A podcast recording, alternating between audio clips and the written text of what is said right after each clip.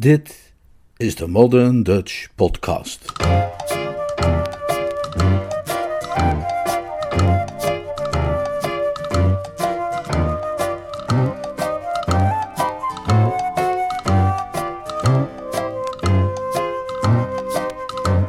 Jill the Musical.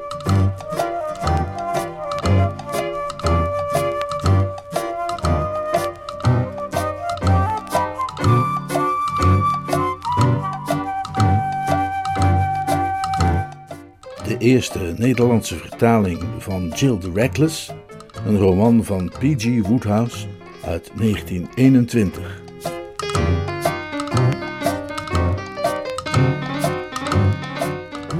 Vertaald en voorgelezen door Leonard Beuger.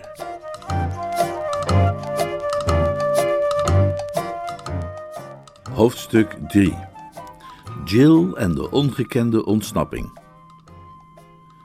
In deze tijd waarin de autoriteiten die waken over het welzijn van de gemeenschap de moeite hebben genomen om op keurige instructieborden bemoedigend te herhalen dat een volle zaal in drie minuten kan worden ontruimd en dat het publiek in een noodsituatie niets anders hoeft te doen dan te lopen en niet te rennen naar de dichtstbijzijnde uitgang, heeft Brandt in het theater een groot deel van zijn oude vreeswekkendheid verloren.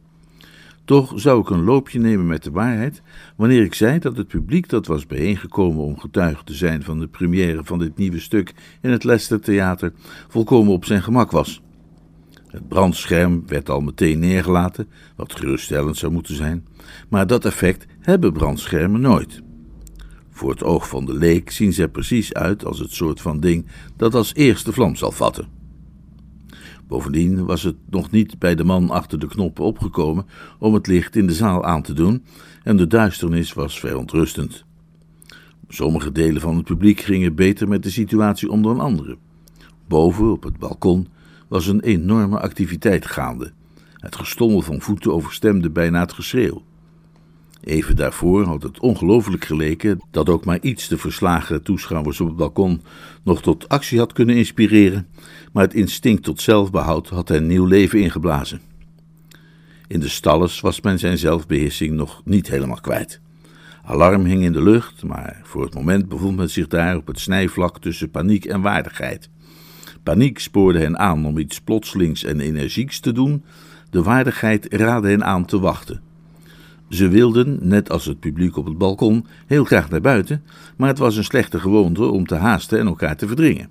De mannen hielpen de vrouwen in hun mantels en verzekerden hen ondertussen dat het allemaal goed kwam en dat ze niet bang hoefden te zijn.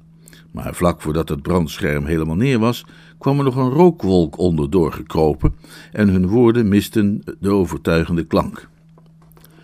De beweging richting de verschillende uitgangen was nog geen stormloop geworden, maar degene met zitplaatsen het dichtst bij het podium begonnen tot het oordeel te komen dat de meer fortuinlijke personen in de buurt van de deuren wel verdomde traag waren met opstappen. Plotseling, als door een collectieve inspiratie, begon de kalmte in de zaal te verslappen. Van bovenaf gezien had je een soort huivering door de menigte kunnen zien gaan. Dat was het gevolg van het feit dat iedereen in de menigte een beetje sneller begon te bewegen. Een hand greep Jill's arm. Het was een geruststellende hand. De hand van een man die zijn hoofd niet had verloren. Een plezierige stem versterkte nog dat geruststellende signaal. Het is niet handig om je in die menigte te storten. Je zou zelfs gewond kunnen raken. En er is geen gevaar. Het toneelstuk gaat verder niet door. Jill was erg geschrokken, maar ze was een vechter en wilde absoluut haar schrik niet tonen. Paniek klopte weliswaar aan bij haar ziel, maar haar waardigheid weigerde die ruim baan te geven. Toch, zei ze met een wat moeizame glimlach, toch zou het leuk zijn om hier uit te kunnen komen, uh, vind je niet? Ik wilde net iets dergelijks voorstellen, zei de man naast haar. Diezelfde gedachte kwam bij mij namelijk ook op. We kunnen in alle rust naar buiten kuieren via onze privéroute. Kom mee. Jill keek over haar schouder. Dirk en Lady Underhill waren opgegaan in de massa vluchtelingen. Ze kon ze niet onderscheiden. Een ogenblik voelde ze een lichte steek van irritatie bij de gedachte dat Dirk haar in de steek had gelaten. Op de tast stommelde ze achter haar metgezel aan en al gauw kwamen ze via de voorste rangen bij de ijzeren veiligheidsdeur naast het podium. Toen die openging, wandde er rook naar buiten en was er een enorme brandlucht. Jill deinsde onwillekeurig terug. Het is in orde, zei haar metgezel. Het stinkt erger dan het is, en dit is in elk geval de kortste weg naar buiten. Ze liepen door naar het toneel en kwamen terecht in een wereld van lawaai en verwarring, vergeleken waarbij de zaal waar ze net uit waren gekomen een vredige plek was geweest. Er was overal rook. Een toneelknecht met een emmer in de hand schoot brullend langs hen heen. Van ergens buiten beeld aan de andere kant van het podium klonk het geluid van bijlslagen. Jill's metgezel liep snel naar een schakelbord, tastte rond, vond de juiste knop en draaide die om. In de nauwe ruimte tussen de rand van het voortoneel en het brandscherm flitsten lampen aan en tegelijkertijd verminderde plotseling het geluid in de zaal. De mensen daar, bevrijd uit de intimiderende betovering van de duisternis en weer in staat om elkaars gezichten te zien, ontdekten dat ze zich weinig beschaafd hadden gedragen en hielden op met duwen en trekken, lichtelijk beschaamd. Die opluchting zou maar voor enkele ogenblikken zijn, maar zolang het duurde, verminderde het de paniek. Loop rechtdoor over het podium, hoorde Jill haar metgezel zeggen. De gang in. En, en meteen naar rechts, dan ben je bij de artiesteningang. Er is kennelijk niemand anders bij de hand, dus ik denk dat ik dan maar beter even voor het doek ga om een paar geruststellende woorden te zeggen tegen de cliëntele, anders gaan ze elkaar nog hopeloos te lijf. Hij wurmde zich door de nauwe opening tot voor het gordijn. Dames en heren! Jill bleef staan waar ze stond en leunde met één hand op het schakelpaneel. Ze deed geen poging om de aanwijzingen op te volgen die hij haar had gegeven. Ze ervoer te zeer een gevoel van kameraadschap. Ze was met deze man samen in dit avontuur. Als hij bleef, moest zij ook blijven. Als ze zich nu via de artiesteningang in veiligheid bracht, zou dat voelen als een schandelijke desertie. Ze spande haar oren in en merkte dat ze hem, ondanks het lawaai, duidelijk kon horen. De rook was erger dan ooit en deed pijn aan haar ogen, waardoor de gedaanten van de brandwachten die op en neer draafden een soort halo of heilige schijn om zich heen hadden. Ze hield een punt van haar mantel voor haar mond om makkelijker te kunnen ademhalen. Dames en heren, ik verzeker u dat er absoluut geen gevaar is. Ik ben een vreemde voor u, dus er is geen reden waarom u mij op mijn woord zou moeten geloven, maar gelukkig kan ik u een degelijk bewijs leveren. Als er gevaar zou zijn, zou ik hier zelf ook niet staan. Het enige dat er gebeurd is, is dat de warmte van uw ontvangst van het stuk een decorstuk in vlam heeft gezet. Een toneelknecht met een hoogrood gezicht en een bijl in zijn roetzwarte handen brulde in Jill's oor. Wegwezen! bulderde hij. Hij liet zijn bijl met een klap neerkomen. Kun je niet zien dat de boel in de her staat? Maar, maar, maar ik wacht op. Jill wees naar waar haar kameraad nog steeds een publiek toesprak dat niet heel erg geneigd leek te blijven staan om naar hem te luisteren. De toneelknecht gluurde om de hoek van het gordijn. Als dat een vriend van u is, mis, maak dan maar dat hij oppoepelt en een beetje vleur ook. We ontruimen het pand. We kunnen er niks meer aan doen. Het vuur heeft te veel aangeslagen. Met een paar tellen krijgen we het dak op ons kop. Jill's kameraad perste zich terug door de smalle kier. Hallo, nog steeds hier? Hij knipoogde goedkeurend naar haar door de rook. Jij bent het doorzettertje. Nou, nou, Augustus, wat wilde je zeggen? Die simpele vraag leek de toneelknecht te verbazen. Wat ik wou zeggen? Zal ik je vertellen wat ik wou zeggen? Nee, doe maar niet, laat me raden, ik heb het. De tent staat in brand. De toneelknecht sputterde geërgerd. Een beetje leuk doen op zo'n moment vormde een belediging van zijn fijngevoeligheid. Wij smeren hem, zei hij. Alle grote intellectuelen denken eender, dat waren wij ook net van plan. Nou, wil je ook? Ik heb maar beter verdomd snel wezen. En inderdaad, zoals je suggereert, verdomd snel. Jij denkt ook overal aan. Jill liep hem achterna over het podium. Haar hart bonsde. Er was nu niet alleen rook, maar ook hitte.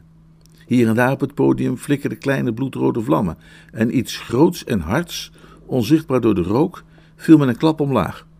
De lucht was dik door de stank van brandende verf. Waar is Sir Chester Portwood? vroeg hij met gezel aan de toneelknecht die naast hen rende. Nou, die hebben hem gesmeerd, antwoordde de ander kort en hoestte raspend door de rook die in zijn keel kwam. Vreemd, zei de man in Jill's oor terwijl hij haar meetrok. Deze kant op, blijf bij me. Vreemd hoe het drama vooruitloopt op het leven. Aan het eind van het tweede bedrijf was er een scène waarin Sir Chester somber wegvlucht in de nacht. En nu heeft hij dat nog echt gedaan ook. Ha! Ze waren een deur doorgestrompeld en kwamen uit in een smalle gang waar de lucht ook nog wel naar brand rook, maar toch relatief fris was. Jill haalde diep adem. Haar metgezel wendde zich tot de toneelknecht en voelde in zijn zak. Hier, een muntstuk veranderde van eigenaar. Ga ergens wat drinken, dat kun je wel gebruiken en haal dat gedoe. Dank u, meneer. Geen dank, zeg. Jij hebt ons het leven gered. Hè? Als jij niet aan ons toe was gekomen om het te vertellen, hadden we nooit gemerkt dat er brand was. Hij wendde zich tot Jill. Hier is de artiesteningang. Zullen wij ook maar uh, somber wegvluchten in de nacht? De portier bij de artiesteningang stond zichtbaar verbaasd te kijken naast zijn hokje.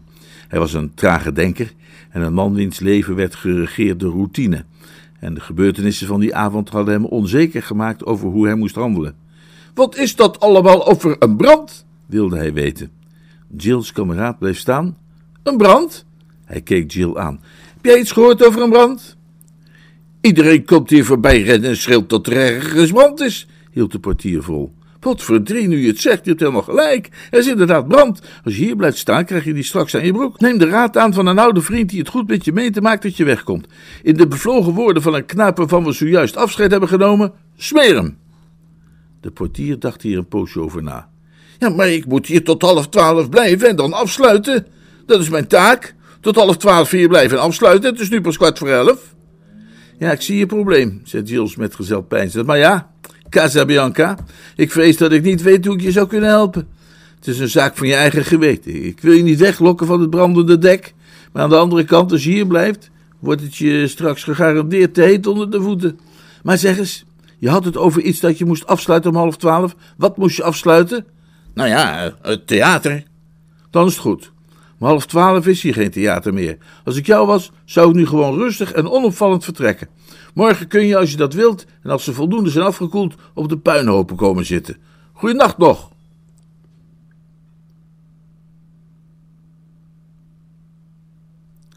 De lucht buiten was fris en knisperig. Jill trok haar warme mantel dichter om zich heen. Om de hoek was er lawaai en geschreeuw. Brandweerwagens waren inmiddels gearriveerd. Jill's metgezel stak een sigaret op. Wil je blijven kijken naar de Vlammenzee? vroeg hij. Jill huiverde. Ze was meer geschrokken dan ze zich had gerealiseerd. Nee, ik, ik heb al meer vlammen gezien dan me lief is. Ik ook. Nou ja, het was in elk geval een spannende avond. Het begon traag, dat geef ik toe, maar ik kwam later goed op temperatuur. Waar ik op dit moment behoefte aan heb, is een wandeling langs de embankment om weer een beetje tot mezelf te komen. Weet je, Chester Portwood vond de titel van mijn toneelstuk niet goed. Hij zei dat beproefd in het vuur te melodramatisch was. Hij kan nu tenminste niet meer zeggen dat die titel niet toepasselijk was. Ze liepen in de richting van de rivier en vermeden de straat die door de menigte en de brandweerauto's werd versperd. Toen ze de Strand overstaken, keek de man om. Er hing een rode gloed in de lucht. Een fikse brand, zei hij. Wat je zou kunnen noemen, eh, wat de kranten zeker zullen noemen, een ware hel. Een feest voor de bevolking. Denk je dat ze hem nog kunnen blussen? Geen schijn van kans. Het vuur heeft al te veel houvast. Jammer dat je die tuinslang van jou niet bij had, hè? Jill bleef staan en keek hem met grote ogen aan. Tuinslang? Herinner je je die tuinslang niet meer? Ik wel. Ik voel dat kille water nu nog langs mijn rug stromen. Jill's geheugen, dat altijd nogal achteraan sukkelde om zich dan soms te revancheren met een spurt op het laatste moment, kwam toch nog over de streep. De embankment veranderde in een zonovergrote tuin en de januarinacht in een julidag. Ze staarde hem aan. Hij keek haar aan met een typische glimlach. Het was een glimlach die, hoewel nu heel aangenaam, haar die middag jaren geleden spottend en vijandig had geleken. Ze had destijds het gevoel gehad dat hij haar uitlachte, en op die leeftijd van twaalf jaar had ze het gruwelijk gevonden te worden uitgelachen. Jij kunt toch zeker niet Wally Mason zijn? Ik vroeg me af wanneer je je het zou herinneren. Maar in het programmaboekje stond een andere naam. Eh, John nog iets. Dat was een sluwe vermomming. Wally Mason is mijn enige echte en officiële naam. En Jan Dory, jouw achternaam schiet me nu ook weer net te binnen. Die was Mariner. Tussen haakjes. Hij aarzelde bijna onmerkbaar even. Uh, is hij dat nog altijd?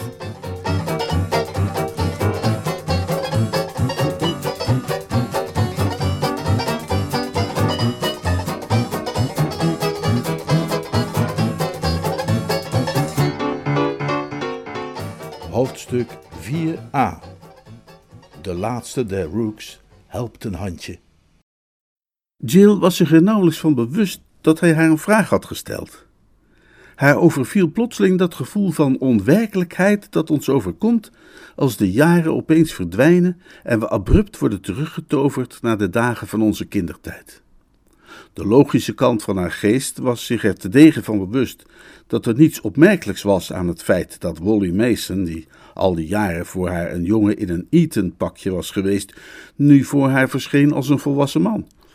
Maar desondanks had die transformatie qua effect iets van een goocheltruc.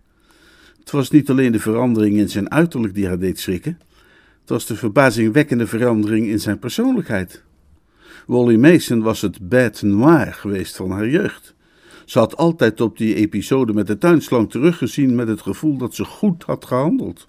Dat, hoezeer ze in die lang vervlogen tijden ook wel eens van het rechte en smalle pad mocht zijn afgedwaald, zij juist in die specifieke crisis helemaal het juiste had gedaan.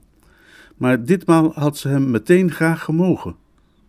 Hoewel ze gemakkelijk vrienden maakte, had ze zich toch zelden eerder zo onmiddellijk tot een vreemd man aangetrokken gevoeld. Voorbij was de oude vijandigheid en daarvoor in de plaats gekomen was een rustgevend gevoel van kameraadschap. Het directe gevolg hiervan was dat Jill zich plotseling oud voelde. Het was alsof een schakel die haar met haar kindertijd verbond, was verbroken. Ze wierp een blik op de embankment. Vlakbij, links, doemde de Waterloobrug op, donker en massief tegen de staalgrijze lucht. Een tram vol passagiers op weg naar huis ratelde voorbij over rails die glommen met die eigenaardige vorstige glans die sneeuw lijkt aan te kondigen. Aan de overkant van de rivier oogde alles donker en mysterieus, afgezien van hier en daar een lantaarnpaal en de zwakke verlichting van de werven. Het was een deprimerende aanblik, en ze bedachten dat voor de daklozen, wier nachtelijke rustplaats een zitplaats aan de embankment was, het uitzicht nog somberder moest lijken dan voor haarzelf. Ze huiverde even. Op de een of andere manier had dit plotseling worden afgesnoerd van vroeger tijden een gevoel van eenzaamheid bij haar teweeggebracht. Ze leek alleen te staan in een veranderde wereld. Koud? vroeg Wally Mason. Een beetje. Laten we dan een eindje wandelen. Ze liepen langs de oever naar het westen. Cleopatra's naald stak naast hen omhoog als een wijzende vinger. Beneden op de stille rivier lagen roeiboten die van hieraf aan doodskisten deden denken, langs de kadewal afgemeerd. Door een opening tussen de bomen glansde de klok boven de parlementsgebouwen een ogenblik alsof hij in de lucht zweefde, en verdween dan weer achter de bomen. De hoorn van een verre schuit die in de richting van Battersea voer, loeide kort en was weer stil. Een treurig en onheilspellend geluid. Jill huiverde opnieuw. Het ergerde haar dat ze die zinloze melancholie niet van zich af kon schudden, maar die weerstond elke poging. Waarom ze het gevoel had gekregen dat een hoofdstuk, een plezierig hoofdstuk van haar levensboek was afgesloten, kon ze niet zeggen, maar dat gevoel bleef hangen. Uh, verbeter me als ik het bij het verkeerde eind heb, zei Wally Mason en verbrak daarmee een stilte die een paar minuten had geduurd, maar ik ben bang dat je hier loopt te bevriezen. Sinds ik in Londen woon, heb ik de gewoonte ontwikkeld om naar de embankment te komen op momenten dat ik me erg gespannen voel.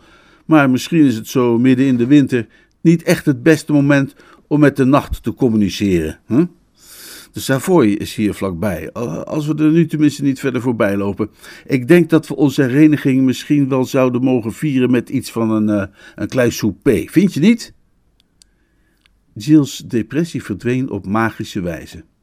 Haar mercuriale temperament deed zich gelden. Ja, met licht, zei ze. En muziek. En voedsel. Voor een etherisch iemand als jij lijkt dat misschien een plompe opmerking, maar ik heb vanavond nog niks gegeten. Arm jongen, hoezo niet? Oh, gewoon van de zenuwen. Oh, maar natuurlijk. Door de hele geschiedenis met die brand had ze zijn rechtstreekse persoonlijke betrokkenheid bij het gebeuren van die avond vergeten. Haar gedachten gingen terug naar iets wat hij in het theater had gezegd.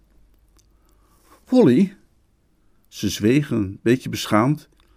Uh, ik neem aan dat ik je eigenlijk Mr. Mason zou moeten noemen, maar ik heb altijd aan je gedacht als Wally. Alsjeblieft, Jill, Wally. Hè? We zijn tenslotte geen vreemden. Ik heb een etikettenboek niet bij me, maar ik denk dat een goede 11 liter koud water in je nek wel telt als een officiële introductie. Maar uh, wat wilde je zeggen? Nou, over wat je tegen Freddy zei, dat je zelf het geld bij elkaar hebt gebracht voor de productie. Heb je dat echt gedaan? Het geld opbrengen voor dat afschuwelijke stuk? Ja, dat heb ik gedaan. Elke cent. Het was de enige manier om het op de planken te krijgen. Maar waarom? Uh, ik ben vergeten wat ik wilde zeggen. Waarom ik het per se op de planken gebracht wilde hebben. Nou ja, het lijkt natuurlijk idioot, maar ik geef je mijn eerlijke woord dat ik tot vanavond vond dat dat verdomde stuk een echt meesterwerk was. Ik heb de afgelopen jaren uitsluitend musicals geschreven. En als je dat een tijdje hebt gedaan, dan komt je ziel tenslotte in opstand en zegt: Kom, kom, mijn beste jongen, jij kunt beter dan dit. Dat is wat mijn ziel in elk geval zei en ik geloofde het. De recente gebeurtenissen hebben aangetoond dat mijn vriend de ziel me voor het lapje heeft gehouden. Maar dan heb je dus veel geld verloren. Al mijn spaarcentjes, eerlijk gezegd. Mijn ganse vermogen. Als je het niet erg vindt dat ik het even wat melodramatisch zeg. En geen oude getrouwe dienaar die me nog als kind paardje had laten rijden op zijn knie, die langskwam om me zijn spaargeld aan te bieden. Nee, dat soort bedienend personeel heb je niet in Amerika helaas. Er is daar ginds een Zweedse dame die de nodige zorgtaken voor me verricht. Maar mijn intuïtie zegt me dat als ik het onderwerp zou aansnijden van een donatie ten behoeve van de jonge meester, ze meteen de politie zou bellen naar ik vrees. Maar goed. Ik heb er levenservaring mee opgedaan, hè, waarvan ze zeggen dat het minstens zoveel waard is als harde valuta. En ik heb in elk geval nog genoeg geld over om de rekening te betalen, dus uh, kom maar mee. In de eetzaal van het Savoy Hotel was, zoals verwacht, volop voedsel te vinden en licht en muziek. Het was nog vroeg en de theaters waren nog niet uit, zodat de grote zaal nog maar half vol was. Wally Mason had een tafel in de hoek gevonden en wijde zich vervolgens aan zijn bestelling met de concentratie van een hongerige man. Vergeef me dat ik me even zo ingespannen met de menukaart heb bezighouden, zei hij toen de ober weer weg was. Maar je weet niet wat het betekent voor iemand in mijn toestand om te moeten kiezen tussen poulet en casserole en niertjes à la maître d'hôtel. Een essentieel keuzemoment in het leven. Jill glimlachte vrolijk naar hem over de tafel. Ze kon nauwelijks geloven dat deze oude vriend, met wie ze de gevaren van de nacht had doorstaan en met wie ze nu een feestelijk maal ging delen, de sinistere figuur was die een schaduw had geworpen over haar jeugd. Hij zag er absoluut niet uit als iemand die in staat was om kleine meisjes aan hun haar te trekken, wat hij ongetwijfeld ook nooit zou doen. Je was altijd al vraatzuchtig, merkte ze op. Vlak voordat ik die slang op je richtte, weet ik nog dat je jezelf weinig geliefd had gemaakt door een stuk van mijn verjaardagstaart in je zak te steken. dat je je dat nog herinnert. Zijn ogen lichten op en hij glimlachte terug naar haar. Zijn glimlach was een hele innemende. Zijn mond was uitgesproken breed en die glimlach leek zich van links tot rechts over zijn hele gezicht uit te strekken. Hij deed Jill meer dan ooit denken aan een grote, vriendelijke hond. Ik voel het nog zitten, helemaal week geworden in mijn broekzak en hopeloos onontwarbaar vermengd met een kattenpult, een paar knikkers, een doosje lucifers en een eindje touw. Ik was in die tijd nogal een wandelend klein warenhuis. We zijn trouwens nu al best een tijdje bezig herinneringen uit te wisselen uit onze kindertijd, vind je ook niet? Ik heb geprobeerd het besef te laten indalen dat jij werkelijk Wally Mason bent. Je bent zo veranderd. Uh, ten goede? Heel erg ten goede. Je was een afschuwelijke kleine bruut. Je maakte me echt bang. Ik wist nooit wanneer je weer eens van achter een boom of zo op me af zou komen duiken. Ik herinner me dat je me eens kilometers achterna hebt gerend, terwijl je gilde zo hard als je kon. Uit pure verlegenheid. Ik heb je net al verteld, hoe ik jou altijd heb geadoreerd. Als ik misschien een beetje heb gegild, dan was dat alleen maar omdat ik zo verlegen was. Ik deed dat om te verbergen hoezeer ik je verafgoden. Nou, dat is je dan goed gelukt. Ik heb daar tenminste nooit enig vermoeden van gehad. Wally zuchtte. Zo is het leven. Nooit sprak ik van mijn liefde, die te verbergen mocht, gelijk een worm de knop mijn wangen knagen. Over wormen gesproken? Je hebt er ooit een in mijn nek gestopt. Nee, toch nee, zei Wally met geschokte stem. Dat niet. Ik was misschien wat onstuimig, maar toch altijd een heer. Wel waar, tussen de struiken. Er was een onweersbui geweest. ah, ja, dat herinner ik me nu. Dat was een, uh, een misverstand. Ik was klaar met die worm en ik dacht dat jij die wel graag zou willen hebben. Zulke dingen deed je nou altijd. Je hebt me ook een keer boven de vijver gehouden en gedreigd me in het water te laten vallen. Midden in de winter, vlak voor kerstmis. Dat was ontzettend gemeen, want ik kon je niet eens tegen je schenen schoppen uit angst dat je me zou laten vallen. Gelukkig kwam oom Chris eraan en heeft gezorgd dat je ophield. En jij beschouwde dat als een gelukkige gebeurtenis, hè? zei Wally. Nou ja, dat was het vanuit jouw gezichtspunt misschien nog wel. Ik, heb het vanuit een andere hoek ervaren. Jouw oom had een bamboe wandelstok bij zich. Mijn vrienden vragen zich soms wel eens af wat ik bedoel als ik zeg dat ik bij vriezend weer last heb van mijn oude wond. Hm. Hoe gaat het trouwens met je oom? Oh, heel goed. Hij is nog net zo lui als altijd. Op dit moment is hij er niet, hij is in Brighton. Mij leek hij niet bepaald lui, zei Wally nadenkend. Juist heel dynamisch, zou ik zeggen. Maar misschien heb ik hem toevallig ontmoet op een energiek moment. Uh, ah, de ober was teruggekomen met een vol dienblad. Het eten. Vergeef me als ik eventjes wat ben afgeleid. Er ligt een mannentaak voor me. En straks, neem ik aan, steek je dan graag nog een coteletje of iets in je zak om mee te nemen? Daar zeg je wat. Ik zal erover nadenken. Misschien wat soep. Ik heb heel eenvoudige behoeften tegenwoordig. Jill keek naar hem met een groeiend gevoel van voldoening. Deze man had iets aantrekkelijk jongensachtigs over zich. Ze voelde zich thuis bij hem. Hij sprak haar aan op ongeveer dezelfde manier als Freddie Rook. Hij was een duidelijke toevoeging aan het lijstje van dingen die hij gelukkig maakte. Ze mocht hem vooral omdat hij zo'n goede verliezer was. Ze was zelf altijd een goede verliezer geweest en het was een eigenschap die ze hoog schatte. Het was sympathiek aan hem dat hij het fiasco van die avond en alles wat het hem gekost moest hebben buiten zijn conversatie en kennelijk ook buiten zijn gedachten wist te houden. Ze vroeg zich af hoeveel hij had verloren. Het moest stellig iets heel substantieels zijn. Toch leek het hem helemaal niet te deren. Jill vond zulk gedrag galant. Haar hart klopte voor een man als hij. Zo behoorde inderdaad een man de slingerstenen en de pijlen van een nijdig lot te dulden. Wally zuchtte tevreden en leunde achterover in zijn stoel. Een onaangename vertoning, vrees ik, zei hij verontschuldigend, maar onvermijdelijk. En hoe dan ook, ik neem aan dat je liever hebt dat ik goed gevoed en tevreden ben, dan dat ik voor je voeten flauw val van de honger. Iets geweldigs, toch, eten? Ik ben nu helemaal gereed voor een intelligente conversatie over ieder onderwerp dat je zou willen opwerpen.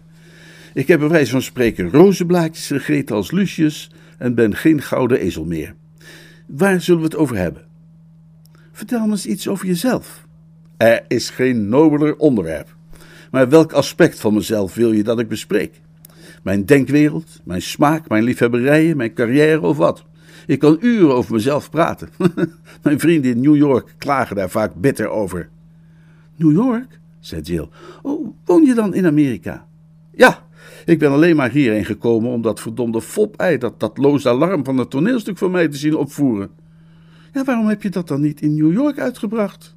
Ah ja, het hele dorp kent me daar en het was voor mij een heel nieuw begin, begrijp je wel. Wat de critici daarginder van mij verwachten is iets met een titel als Wauw, wauw of uh, Het meisje uit Jonkers. Ze zouden geestelijk volkomen van slag zijn geraakt als ze hadden moeten aanzien hoe ik me te buiten ging aan lyrisch drama. Het zijn grof besnaarde types met een schudderige verbeelding en ze zouden er zogenaamd lollig over hebben gedaan. Ik dacht dat het verstandiger zou zijn me maar liever hier tussen vreemden te begeven, niet vermoedend dat ik naast iemand zou komen te zitten die ik al mijn hele leven kende. Maar wanneer ben je dan naar Amerika gegaan en waarom? Nou, ik denk dat het een jaar of vier, vijf, nou ja, een flink aantal jaren na die tuinslanggeschiedenis moet zijn geweest. Je hebt waarschijnlijk niet eens gemerkt dat ik er niet meer was, maar we zijn in die tijd stilletjes uit jullie buurt vertrokken en in Londen gaan wonen. Even sprak hij op wat minder lichte toon. Uh, mijn vader stierf namelijk, weet je, en daardoor ging alles min of meer fout. Hij liet ook niet al te veel geld na. Blijkbaar hadden we in de tijd dat ik jou kende eigenlijk op wat te grote voet geleefd. Nou ja, hoe dan ook, ik, ik zat in een behoorlijk lastige situatie. Totdat jouw vader mij een baan bezorgde op een kantoor in New York. Mijn vader? Ja. Het was verschrikkelijk aardig van hem dat hij zich om mij heeft bekommerd. Ik had niet gedacht dat hij wist wie ik was of hoe ik eruit zag. En als hij zich mij al herinnerde, had ik eigenlijk verondersteld dat die herinnering geen erg prettige zou zijn. Maar hij heeft me behandeld alsof ik familie van hem was. Ja, zo was mijn vader wel, zei Jill zacht. Hij was een edel mens. Maar je werkt nu niet meer op uh, kantoor? Nee, ik, uh, ik ontdekte dat ik talent had voor het schrijven van poëzie en dat soort dingen. En ik had wat songteksten geschreven. Toen kwam ik bij een muziekuitgeverij een man tegen die Bevan heette. Die was net begonnen met muziek te componeren en samen hebben we toen een paar nummers geproduceerd voor het Variété-theater. Vervolgens heeft een, een, manager ons gevraagd om een lopende voorstelling die het niet geweldig deed wat op te peppen. En we hadden het geluk om daar alsnog een succes van te kunnen maken. En daarna liep het allemaal eigenlijk best goed voor ons. George Bevan is pas geleden getrouwd, de geluksvogel. En eh, ben jij getrouwd? Nee. Ah, want je bent zeker mijn herinnering altijd trouw gebleven, zei Jill met een glimlach. Precies. Dat zal er vast niet heel lang meer duren, zei Jill hoofdschuddend. Want vandaag of morgen kom je een leuk Amerikaans meisje tegen. En dan stop je een worm in haar nek, of je trekt aan haar haar, of wat je verder ook doet om je affectie te tonen. En dan. Uh, wat kijk je? Is er achter mij iets interessants te zien? Hij had langs hij heen verder de zaal ingekeken. Nee, nee, het is niks, zei hij. Er zit alleen een statige oude dame ongeveer twee tafels achter je, die de afgelopen vijf minuten met af en toe een hapje of een slokje tussendoor naar je heeft zitten staren. Je lijkt haar te fascineren. Een oude dame? Ja, met een uh, gruwelijke blik. Ze lijkt wel de vogel met het gruwzame oog van Lord Dunsany. Tel tot tien en draai je dan achtloos om, daar, aan die tafel, vlak achter je. Goeie hemel, riep Jill uit. Snel draaide ze weer terug. Wat is er aan de hand? Ken je haar? Iemand die je niet wilt ontmoeten? Dat is Lady Underhill. En Derek is bij haar. Wally had zijn glas opgetild. Hij zette het nogal plotseling neer. Derek? vroeg hij. Derek Underhill, de man met wie ik verloofd ben. Het bleef een ogenblik stil. Oh, zei Wally nadenkend. De man met wie je verloofd bent. Ah, juist, ik, uh, ik begrijp het. Hij greep zijn glas en dronk het achter elkaar leeg.